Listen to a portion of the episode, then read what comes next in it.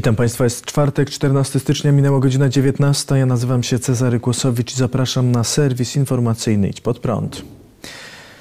Izba Reprezentantów amerykańskiego kongresu zdecydowała wczoraj o postawieniu w stan oskarżenia prezydenta Stanów Zjednoczonych Donalda Trumpa. Za przyjęciem artykułów impeachmentu głosowało 232 reprezentantów, w tym 10 członków Partii Republikańskiej, do której należy Donald Trump. Przeciw głosowało 197 parlamentarzystów. W artykułach impeachmentu oskarża się Donalda Trumpa o podżeganie do rebelii w związku z wydarzeniami z ubiegłej środy, kiedy kilkaset osób wdarło się do kongresu. W czasie dyskusji przed głosowaniem przywódca mniejszości republikańskiej Kevin McCarthy uznał, że prezydent USA jest odpowiedzialny za szturm na Kapitol, jednak podkreślił, że impeachment to błąd.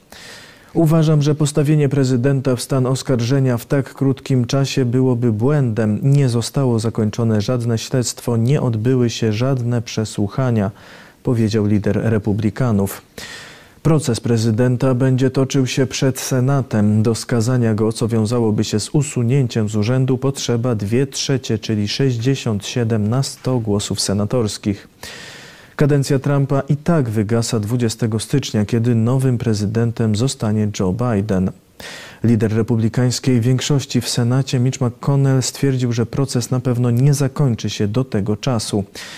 Jednak Senat, jeśli później skaże Trumpa, może także zdecydować o pozbawieniu go możliwości kandydowania w wyborach w przyszłości, a także odebrać mu emeryturę prezydencką.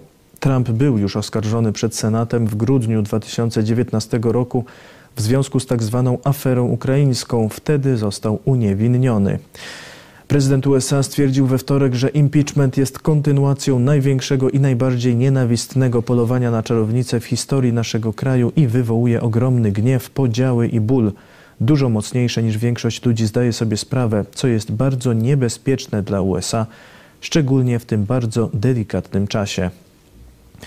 W świetle doniesień o planowanych demonstracjach i możliwych zamieszkach w dniu inauguracji Joe Bidena, Donald Trump zaapelował wczoraj do swoich zwolenników o pokój, spokój i przestrzeganie prawa.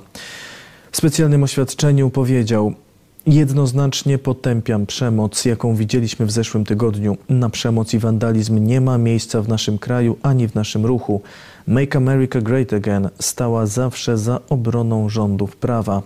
Nikt, kto prawdziwie mnie wspiera, nie może stosować politycznej przemocy. Nikt, kto prawdziwie mnie wspiera, nie może okazywać braku szacunku dla sił porządkowych i dla naszej wspaniałej amerykańskiej flagi. Nikt, kto prawdziwie mnie wspiera, nie może grozić lub prześladować innych Amerykanów. Jeśli robisz którąkolwiek z tych rzeczy, to nie wspierasz naszego ruchu, ale go atakujesz, powiedział Donald Trump. PiS wiedziano o wałbrzyskich taśmach już w marcu. Radosław Łosiński, były członek PiS, który nagrał oburzające rozmowy swoich kolegów, ujawnił w rozmowie z Onetem okoliczności powstania nagrania. Do nagrania tej rozmowy doszło w marcu 2020 roku w gabinecie Bartłomieja Grzegorczyka, który był wtedy wiceprezesem spółki Investpark Development. Ja natomiast pracowałem i nadal pracuję w Investpark Wałbrzych, podobnie jak Janusz Czyż. Cała rozmowa trwała od, 20, od 30 do 40 minut. To, co zostało opublikowane, to nie jest całość, powiedział Łosiński i dodał, że o rozmowie, podczas której był zastraszany, poinformował kilka osób z partii. Miał też pokazać nagranie swojemu szefowi. Jak relacjonuje, niedługo po rozmowie Grzegorczyk i Czyż zostali zawieszeni w prawach członka PiS. Uważam jednak, że to zawieszenie jest fikcyjne, bo ci panowie cały czas przewijają się przez Wałbrzyskie Biuro PiS i pełnią swoje funkcje, zbierają składki i pokazują się z Kamilem Zielińskim.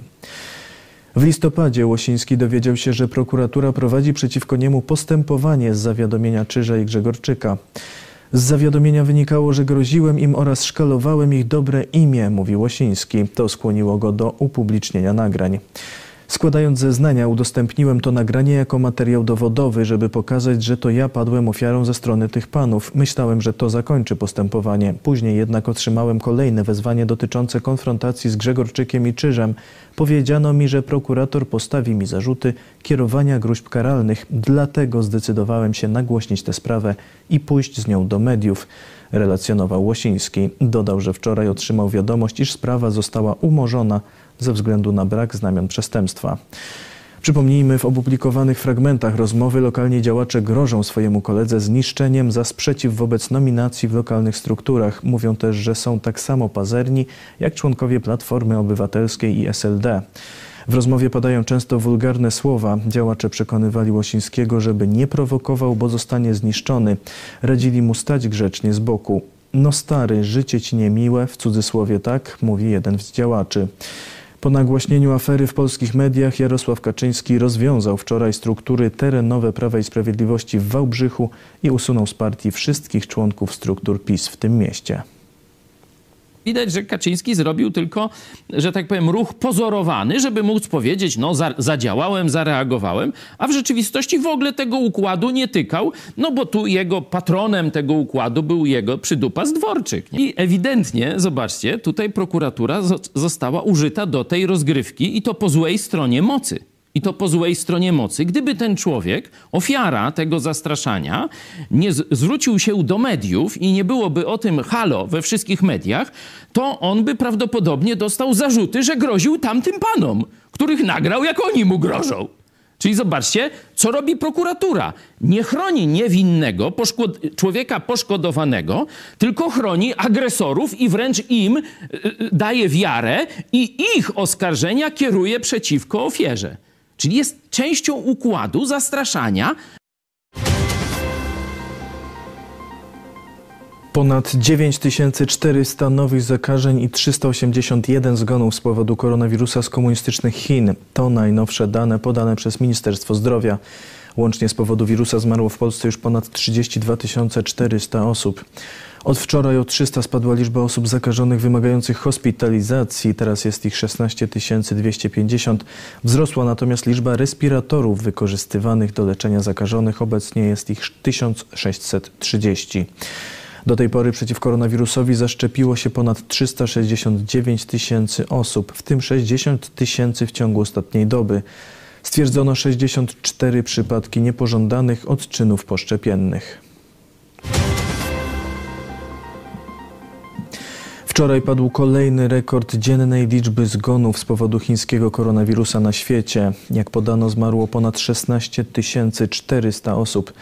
Łącznie od początku pandemii ofiar jest już 1 992 tysiące. Wiele państw w ciągu ostatniej doby odnotowało najwyższe od początku pandemii dzienne liczby zgonów. W Wielkiej Brytanii zmarło ponad 1,5 tysiąca osób, w Meksyku ponad 1300, w RPA ponad 800. Komunistyczne Chiny przekazały, że stwierdzono tam najwyższą od marca liczbę 138 zakażeń koronawirusem. Władze podały także informacje o 78 przypadkach bezobjawowych które nie są wliczane do statystyk. Chińskie władze poinformowały także o pierwszym od maja zgonie z powodu wirusa. Dzisiaj do chińskiego miasta Wuhan dotarła delegacja Światowej Organizacji Zdrowia, która ma podjąć próbę ustalenia pochodzenia koronawirusa. Zespół ekspertów spędzi w Chinach miesiąc, przy czym pierwsze dwa tygodnie przeznaczone zostaną na obowiązkową kwarantannę. Jak zapowiadało chińskie Ministerstwo Spraw Zagranicznych, naukowcy mają prowadzić współpracę naukową w zakresie śledzenia pochodzenia koronawirusa wraz z towarzyszącymi im podczas wizyty chińskimi naukowcami. Dyrektor WHO do spraw sytuacji nadzwyczajnych Mike Ryan już w poniedziałek zapowiadał, że delegacja ma szukać odpowiedzi co do pochodzenia wirusa, a nie winowajców. W środę Mike Ryan ogłosił, że Światowa Organizacja Zdrowia przewiduje, że pod względem pandemii rok 2021 będzie jeszcze trudniejszy niż rok poprzedni. Dodał, że głównym czynnikiem, który na to wpłynie, są coraz bardziej zaraźliwe mutacje koronawirusa. Trwają poszukiwania skutecznych metod walki z pandemią. Premier Wielkiej Brytanii Boris Johnson ogłosił wczoraj, że jego rząd planuje wykorzystać prezydencję Wielkiej Brytanii w grupie państw G7 do stworzenia międzynarodowego traktatu, którego celem będzie ustandaryzowanie działań przeciw rozwojowi pandemii oraz działań na rzecz odbudowy gospodarki. Pandemia zupełnie zaskoczyła system międzynarodowy w wielu kwestiach i musimy współpracować, aby przygotować się na przyszłe pandemie, powiedział Johnson w komisji parlamentarnej. Jak zapowiedział, na potrzeby traktatu będzie postulował o przekształcenie grupy G7 w grupę D10, w której oprócz państw z grupy G7 znajdą się także Indie, Australia i Korea Południowa. Kluczowymi obszarami objętymi porozumieniem mają być miejsca pracy i globalny wolny handel, który będzie odpowiedzią na wyzwania stawiane przez Chiny. Tymczasem władze Szwajcarii ogłosiły, że od najbliższego poniedziałku w całym kraju obowiązywać będzie całkowity lockdown. Zamknięte zostaną wszystkie punkty usługowe oraz wszystkie sklepy, które nie sprzedają najpotrzebniejszych produktów, a pracodawcy zostaną zobowiązani do zapewnienia możliwości pracy zdalnej każdemu pracownikowi, który może w ten sposób pracować. Towarzysko spotkać się będzie mogło maksymalnie pięć osób. Restrykcje obowiązywać będą do końca lutego. Władze Włoch poinformowały wczoraj, że stan wyjątkowy w całym kraju zostanie przedłużony do końca kwietnia. Rząd ogłosił także, że zakładane jest utworzenie białych stref. Tak nazywane będą obszary, w których liczba zakażeń spadnie poniżej 50 na 100 tysięcy mieszkańców. Tam jedynymi ograniczeniami byłoby noszenie maseczek i zachowanie dystansu społecznego. Ambasada Polski w Wielkiej Brytanii poinformowała, że 18 stycznia o godzinie 4 zacznie obowiązywać wymóg posiadania ujemnego testu na obecność koronawirusa przez każdego, kto zechce wjechać na teren Wielkiej Brytanii. Test trzeba będzie wykonać maksymalnie 72 godziny przed przyjazdem na wyspy. Oprócz tego po przyjeździe obowiązywać będzie 10-dniowa samoizolacja. Trwają prace nad paszportem szczepionkowym. Wiceminister zdrowia Anna Goławska nazwała paszportem kody QR, które mają być przypisywane osobom zaszczepionym. Podczas wczorajszej konferencji prasowej wiceminister Goławska stwierdziła, że paszport ten będzie potwierdzał, że osoba została zaszczepiona i może korzystać z uprawnień, które jej przysługują. Uprawnienia te obejmują brak ograniczeń udziału w spotkaniach towarzyskich, brak obowiązku odbywania testów na obecność koronawirusa przy korzystaniu z usług medycznych oraz brak potrzeby odbywania kwarantanny po kontakcie z osobą zakażoną koronawirusem. Specjalne paszporty dla zaszczepionych to pomysł nie tylko polskich polityków. Wprowadzenie zielonych paszportów zapowiadają także władze Izraela. Posiadacze takiego paszportu będą mogli brać udział w imprezach kulturalnych i sportowych. Rząd Izraela poinformował, że zacznie wydawać dokumenty dla osób zaszczepionych po złagodzeniu trwającego od 27 grudnia lockdownu. Do tworzenia cyfrowych paszportów szczepionkowych chętne są kolejne firmy technologiczne.